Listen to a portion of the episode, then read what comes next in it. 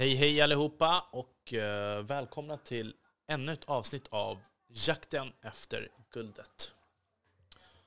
Idag är det den 27 december. Klockan är, vad är den då? 19.52. Hmm.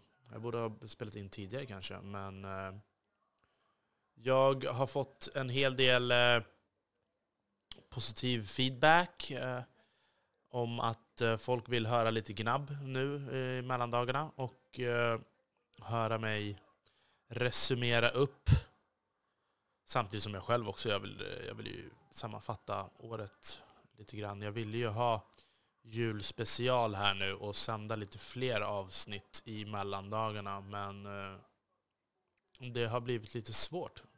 Det är väldigt mycket festiviteter som folk har och eh, det har inte varit det enklaste helt enkelt. Men om jag bara får titta tillbaka på de tidigare avsnitten som jag har haft och liksom när jag lyssnar, lyssnar på mina tidigare avsnitt hur nervös man var och eh, när man bara pratar om tidsoptimering och, och så vidare. Eh, ah, herregud, alltså. Det, det, känns så långt bort. Och jag vill verkligen tacka för allt, alla fina gäster som bokstavligen gör den här podden. Och alla som kommer med feedback och alla som gillar, gillar och delar bilder och skriver. Liksom. Till och med the haters, jag älskar hatarna. Jag har ju fått några som har skrivit lite roliga grejer som jag tycker är jättekul. Alltså, de är ju en av de, inte en av de starkaste drivkrafterna, men det är också en härlig drivkraft. Uh, men när jag lyssnar på de första avsnitten så kan jag knappt känna igen mig själv. Det tycker jag är coolt. Jag kollade nyss hur länge det var. Vänta, jag ska kika. Direkt här. Vad är det? Sex eller sju månader som podden har varit igång. Och jag, jag känner en sån... Exakt. 19 juni släppte jag första. Mm. Och nu är det december. Så att, eh, och, och, utvecklingen på den här korta tiden, den har varit jättebra. Verkligen. Alltså, visst.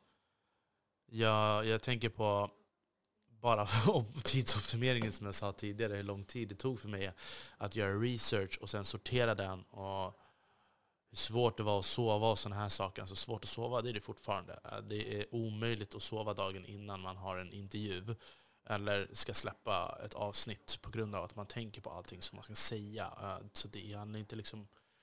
Förr var det blandad rädsla och att man tänker på det man ska säga, men nu är det mer bara att man bara tänker på vad man ska säga. Och äh, jag har hört att när man blir entreprenör så får man sluta sova. Man kommer aldrig att sova. Så är det bara. Så att jag får väl vänja mig med det här också. Tough, tough, tough up. uh, det är part of the process. Och bara jag lyssnar tillbaka, som jag sa tidigare, på tidigare process, tidigare avsnitt. alltså shit.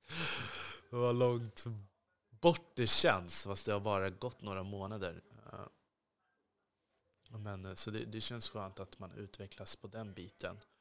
Och sen har jag fått lite förfrågningar på att folk vill att jag ska berätta berättelser och, och sånt där. Och jag vet inte riktigt vad jag ska berätta. Uh,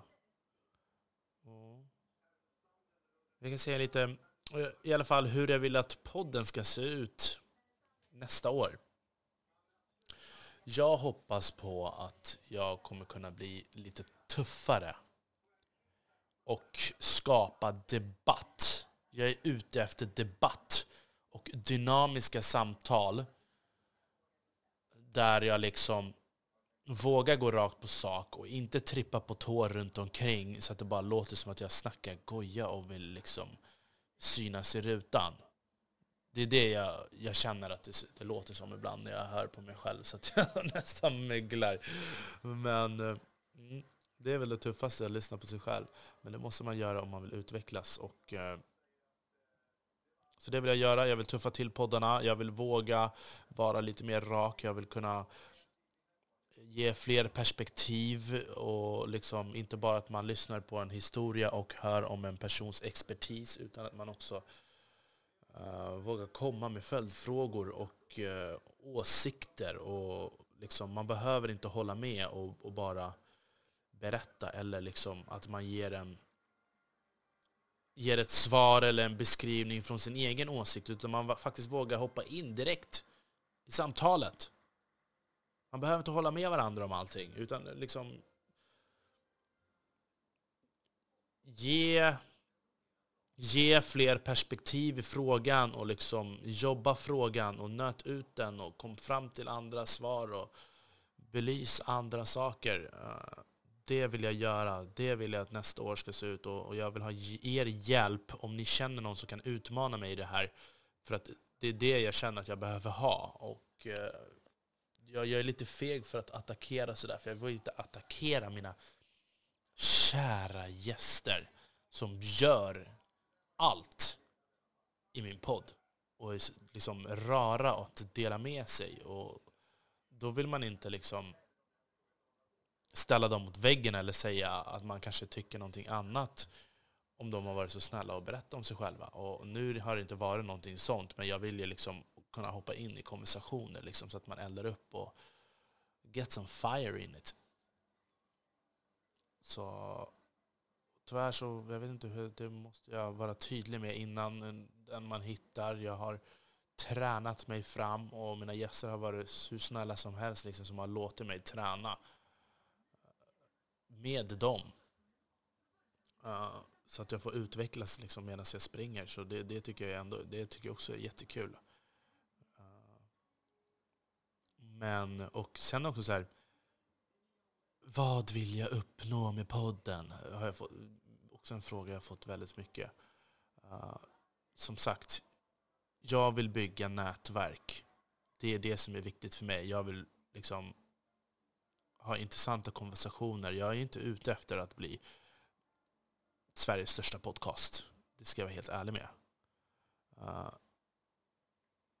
det är viktigare för mig att få kvalitet än kvantitet och för mig är kvalitet, det handlar om relationerna jag skapar i podden och förändring som jag vill göra.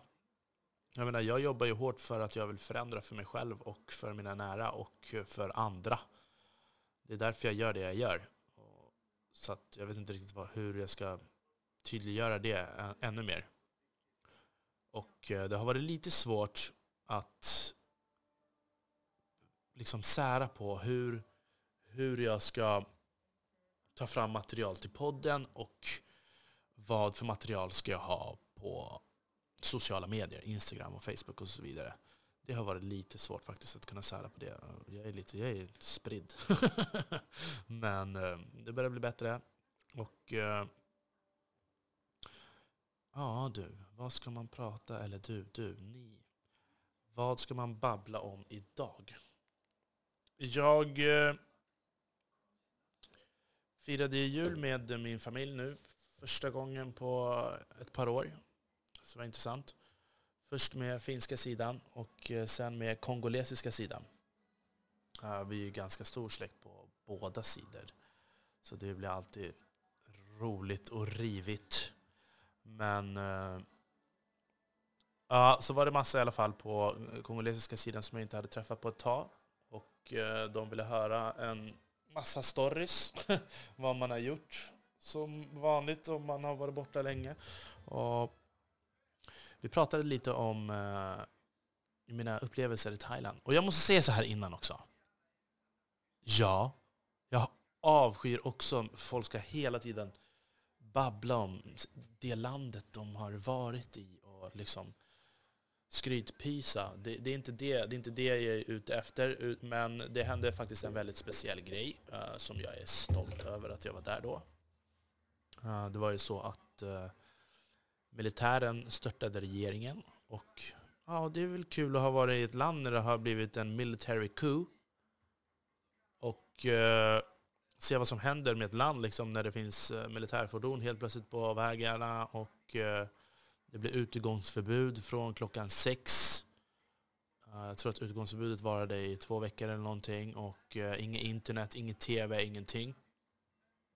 Så det var väldigt intressant att, att få känna på det och se hur vardagen tuffar vidare och hur kreativa alla får helt plötsligt bli som inte får ta del av eh, resten av dagens inkomster utan liksom måste hitta ett annat sätt att effektivisera och få ut så mycket som möjligt eh, på dagtid helt enkelt. Så det var väldigt nice att se. Och eh, sen så ändrade de ju utgångsförbudet. Till klockan nio höjde de det till och internet och tv och så vidare.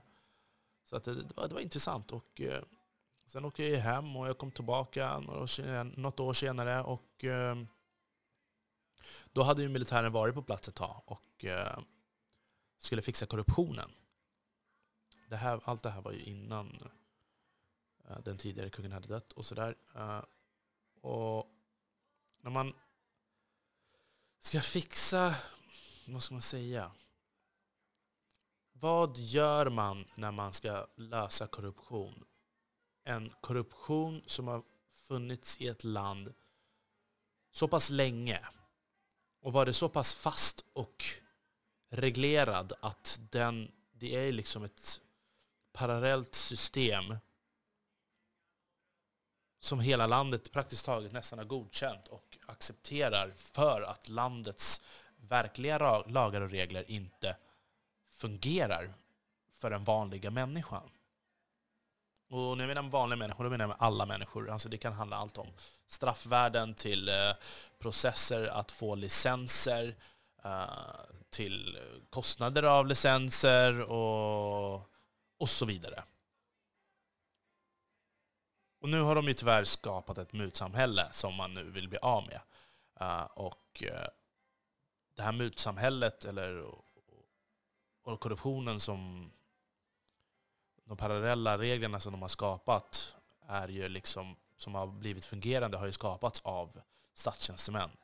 Det är därför allting är, liksom, det är fasta priser på allting. Det, det är inga främmande nya priser och någon höjer och någon sänker och liksom kommer några oregelbundna dagar eller jag vet inte vad. Allting är väldigt reglerat. Och, eh, så när det här händer och, och helt plötsligt Vissa restauranger och hoteller stängs ner och mopeduthyrningar stängs ner. Eh, vattensportsgrejer stängs ner. Det kan vara allt ifrån internationella till vanliga liksom domestic people som har köpt licenser som de tror är liksom fungerande och lagliga som har visat sig inte vara det. Jag har drivit hotellverksamhet eller restaurangverksamhet i flera år. Och sen helt plötsligt så kommer en bulldozer och eh, river ner hela haket. och De får en stor böter och så får de inte öppna igen. Då skapar det ju liksom vissa spänningar. Så att, och, och det är det här den intressanta biten kommer in. Att uh, det är väldigt många i storstäderna, eh, också kanske lite utanför, men främst i storstäderna, människor som har flyttat dit och arbetat hårt, skapat jobbmöjligheter både för sig själva och för andra.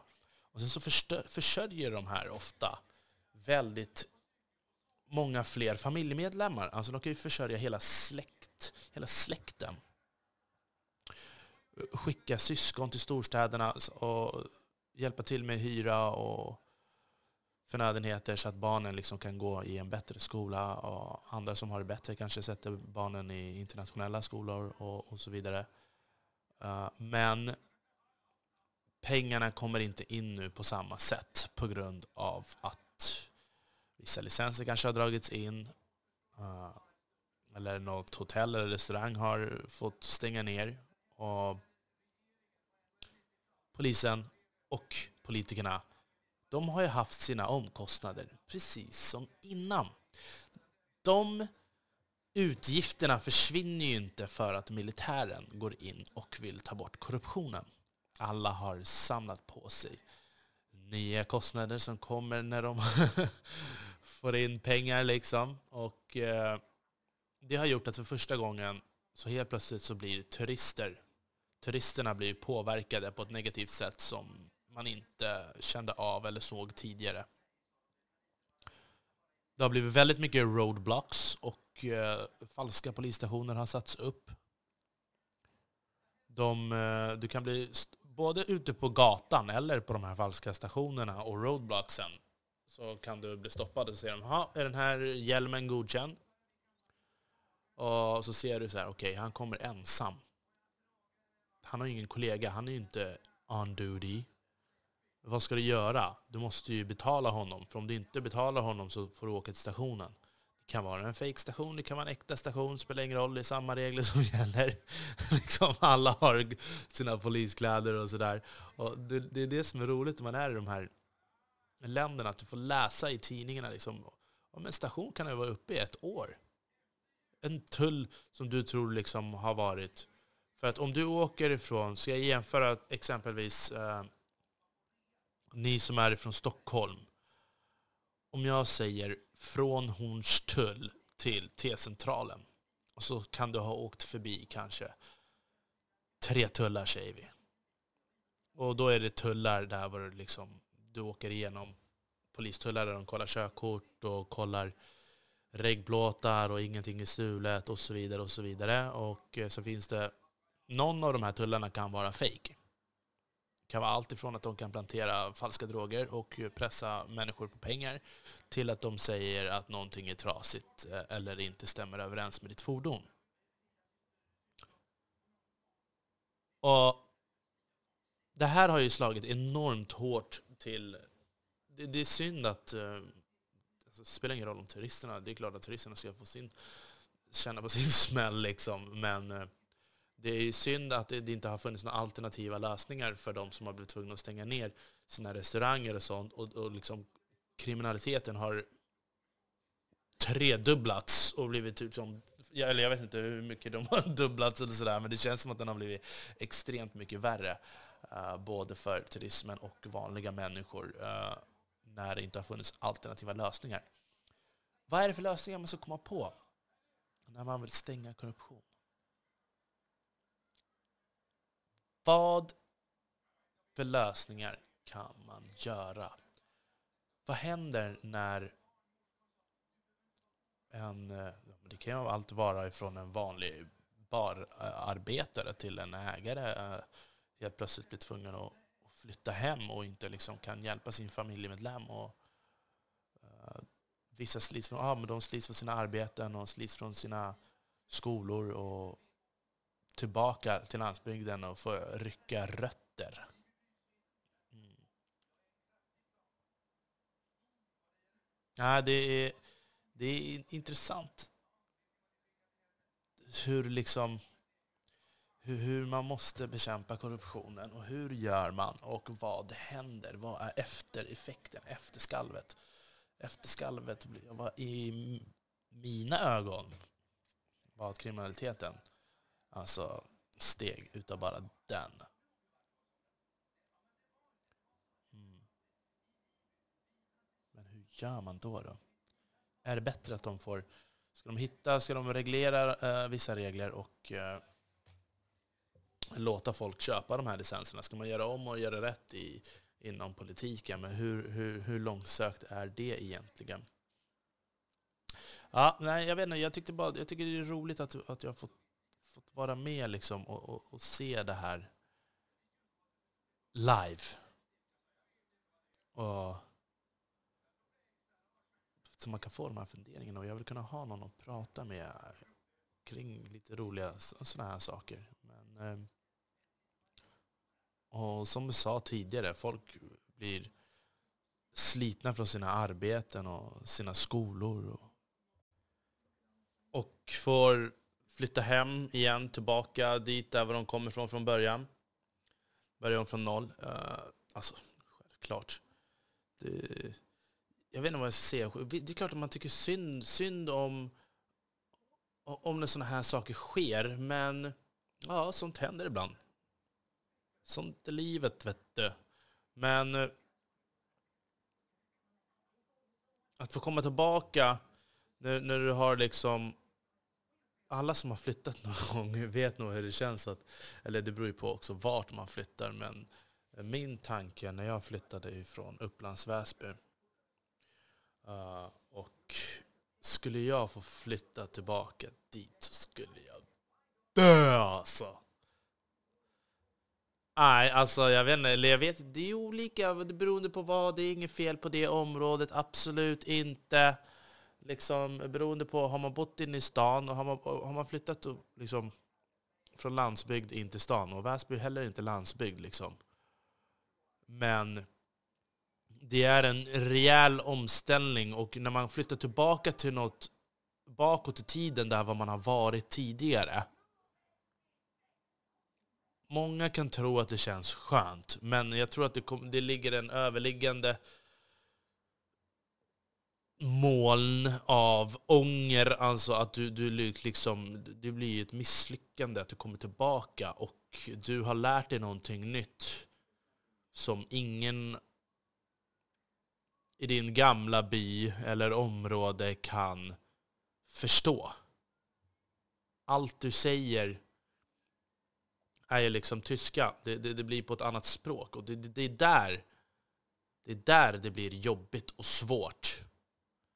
När du kommer tillbaka och liksom har utvecklats och eh, de andra är kvar på samma och det är ingenting du säger kan de förstå eller relatera till. Och det, är liksom, ja, det blev ett misslyckande helt enkelt. Jag tycker att eh, det är väldigt synd. Många lyfter sina familjer från fattigdom. Eh, de gör sina satsningar genom... Det kan börja med allt ifrån att de har ett litet minikök på en vagn och säljer kyckling eller hamburgare, vad, vad, jag vet inte vad. Du, allt möjligt liksom. Till att jobba sig upp och kanske köper sig en vattenskoter eller köper sig en moped eller två mopeder och börjar hyra ut dem.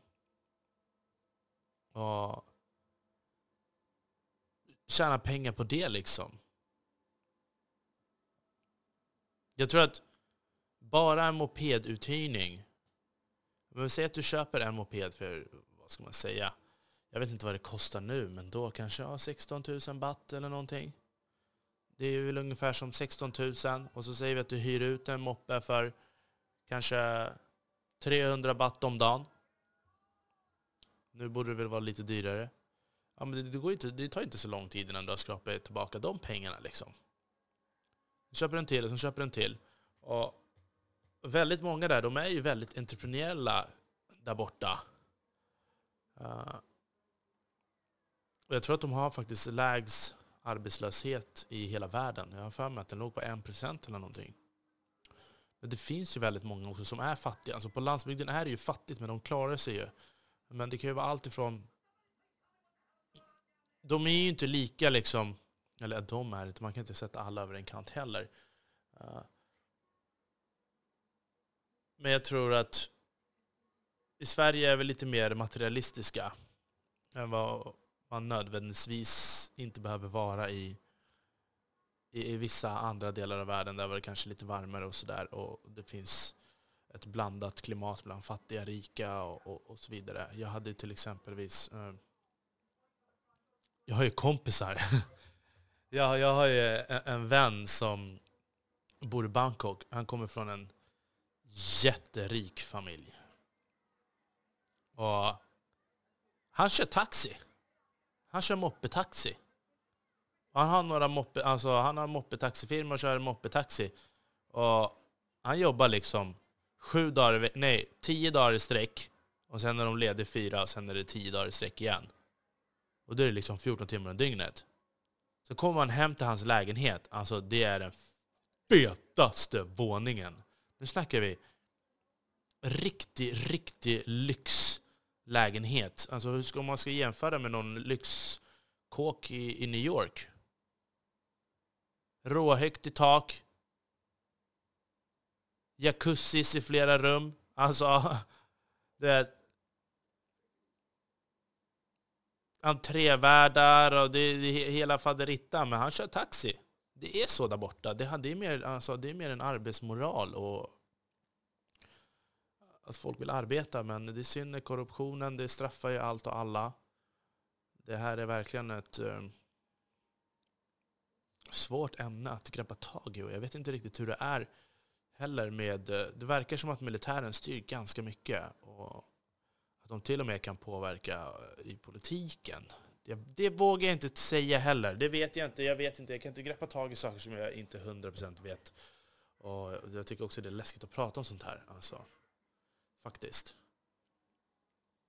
Men eh, det finns väldigt många som försörjer sina familjer via allt hotell, alla hotellverksamheter, om de har byggt upp det, eller om det är restaurangverksamhet, eller vad det än nu må vara, så finns det de som faktiskt har flyttat familjemedlemmar till storstäder och hjälper dem med försörjningen och så att deras syskonbarn kan studera i bättre skolor och så vidare. Och, och om en licens rycks, rycks ut då, uh, som du liksom har betalat för, och betalar för, för jag tror att, jag vet inte om det är månadsvis eller om det är årsvis eller vad det är.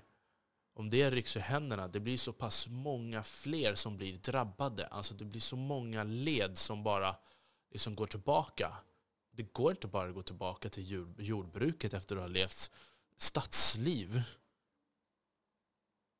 Titta på tv precis som alla andra, spela tv-spel och jag vet inte vet jag, gått och bovla, gå på bio. Till att nu helt plötsligt så ska det vadå, slita rötter ute på landsbygden.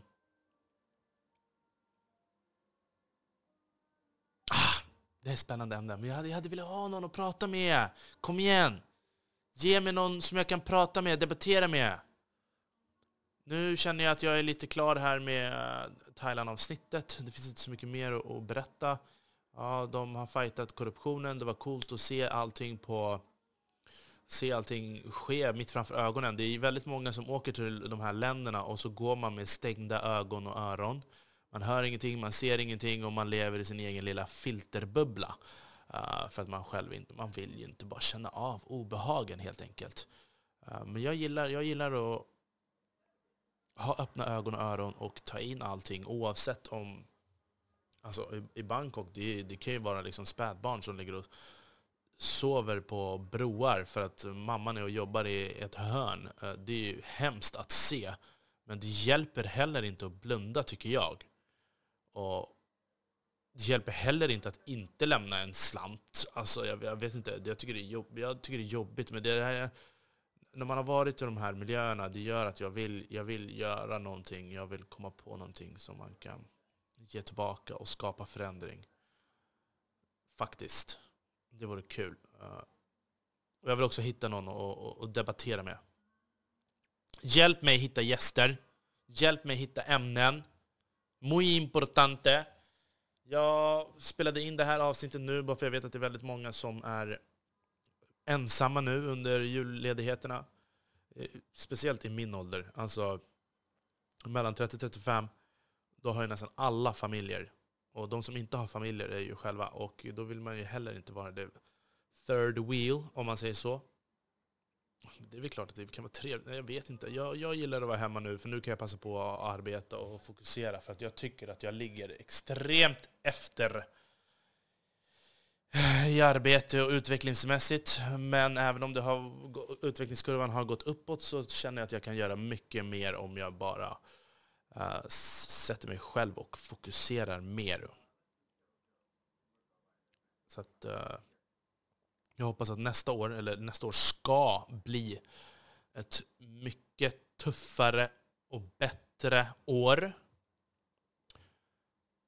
Ska det faktiskt bli. Och eh, jag har redan fantastiska gäster som jag ska möta nästa år som jag ser fram emot. Det kommer krävas en hel del mycket mer research på dem.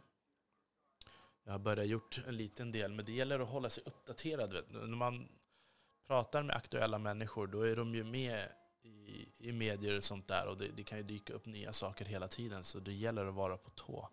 Jag gillar inte att uh, boka människor alldeles för lång tid framöver. För att, och, och, och liksom, då stressar man upp sig, så ska man studera den personen och, och, så kommer det in ny fakta, så kommer det in ny fakta och så ska man ha in ett gäng andra Jag vill helst vara att allting ska vara så aktuellt som möjligt. Men, eh, och därför vill jag också prata om aktuella ämnen. Kom igen nu. Hitta någon modig jävel som kan liksom put me on the spot. Prata och tvinga ur det här ur mig. Så jag kan ta det här steget. Jag kommer inte våga göra det själv mot någon och pusha någon. Mitt i en intervju när jag bara ställer mina dumma frågor och ska låta smart och så låter jag helt korkad för jag inte vågar liksom säga rakt ut som det är eller mina egna tankar och ska hålla på och tripp-trappa runt omkring allting. Då blir det bara konstigt. Och det är den känslan jag känner att jag har förmedlat själv om jag ska ge kritik till mig själv. Eh, jag vågar inte liksom pusha och sätta andra on the spot. Jag tycker det är respektlöst om man har bjudit in någon och, och ska höra om deras resa. Liksom. Det måste vara så bra förberett och liksom tydligt innan att det här ska bli en debatt. Precis som eh, i god ton, eller hur kan vi? Kom igen, vi, låt oss skapa ett lite kraftig dynamik i samtalen. Bli lite mer inbjudande och inte bara själviskt insamlat nätverk för Ermond. och eh, belysa andras stories och deras mål och drömmar. Mm. Det blir nog bra, det blir nog bra. Ja, men då så, då tror jag att jag babblar klart för det här avsnittet. Va? Mm. Ja, ja, ja, ja, ja. Ja, just det. Vi pratade ju där också om att jag vill ju... Om jag vill ha... Jag vill ju kunna göra någonting nu på nyår också. Kunna spela in ett avsnitt. Men eh, problemet är att nyårsfestiviteterna som jag ska gå på, det kommer ju finnas en del barn och sånt också. Och de kommer skrika oj, oj, oj, oj. Ja. Och man vill heller inte förstöra liksom, genom att ta bort en del av kärnan till ett eh, rum och ha intervjuer. Jag vet inte, vi får se om, om det kommer finnas något läge där man kommer kunna ta fram med mikrofonerna. Då kommer jag nog få ta fram min gamla mick, min första mick. Den här myggan som jag sätter fast på elvispen och så har jag en tidning under så jag kan dra tidningen till eh, den personen som behöver ha mikrofonen närmare sig. Uh, problemet med den myggan är dock att de tar inte bort ljud runt omkring. Så allt ljud i rummet kommer att sugas rakt in i micken. Så om det finns gapande barn då kanske det, ja, materialet blir dåligt helt enkelt. Jag ska försöka allt vad jag kan uh, för att sända lite nyårs, sända ett nyårsavsnitt. Så länge, fortsätt skriv.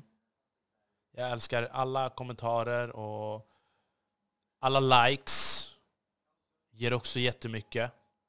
Och alla andra som inspirerar. Jag lyssnade på David Klettborg satte upp en jättefin video på eh, Megadeals konto på LinkedIn och på Instagram. Där han tackar för alla fina podcasts och alla inspirerande videos på Youtube och eh, de som inspirerar i sociala medier och även för likes och kommentarer. De som inte skapar content men liksom får contentet att leva vidare och jag snor hans ord för att det liksom det stämmer så bra. Det är verkligen så. Att en like och en kommentar är exakt lika viktig och lika skapande som den som skapar. Så att fortsätt med det. Muy importante. Tack så mycket än så länge och uh, vi hörs igen i dagarna. Jakten efter guld mina vänner med vänliga hälsningar Armond Faltin.